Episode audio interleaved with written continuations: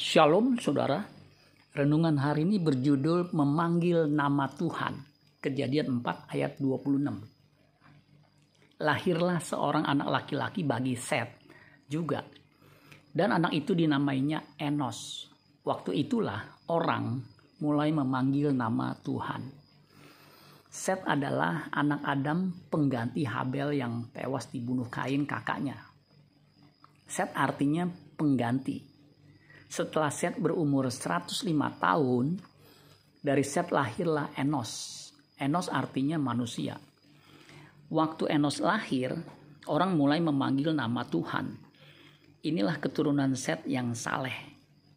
Ketika orang memanggil nama Tuhan, bukan hanya sekedar mengucapkan nama, karena nama itu suatu pribadi yang punya hubungan di mana roh Allah tinggal di dalam mereka Itulah sebabnya keturunan Set ini disebut anak-anak Allah. Kejadian 6 ayat 1 sampai 3. Sayangnya, mereka hidup sesuka hati mereka. Mereka menikah dengan siapa saja yang mereka sukai. Mereka sembarangan saja memilih istri. Akibatnya, roh Allah undur dari mereka. Kita umat tebusannya juga disebut anak Allah waktu menerima Kristus sebagai Tuhan dan Juru Selamat. Yohanes 1 ayat 12 sebagai anak-anak Allah, kita harus bersedia dipimpin roh Allah. Roma 8 ayat 14. Waktu kita memanggil Allah sebagai Bapa, maka kita harus hidup benar di hadapannya.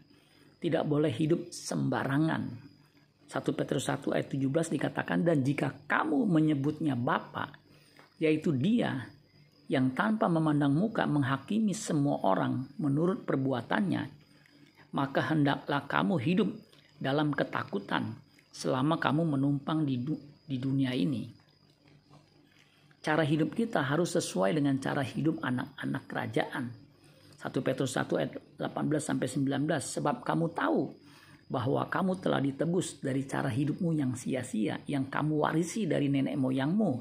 Itu bukan dengan barang yang fana, bukan pula dengan perak atau emas, melainkan dengan darah yang mahal, yaitu darah Kristus yang sama seperti darah anak domba yang tak bernoda dan tak bercacat. Kita harus keluar dan terpisah dari dunia ini dengan tidak menjama apa yang najis, sehingga kita benar-benar diterima sebagai anaknya di rumah Bapa yang kekal.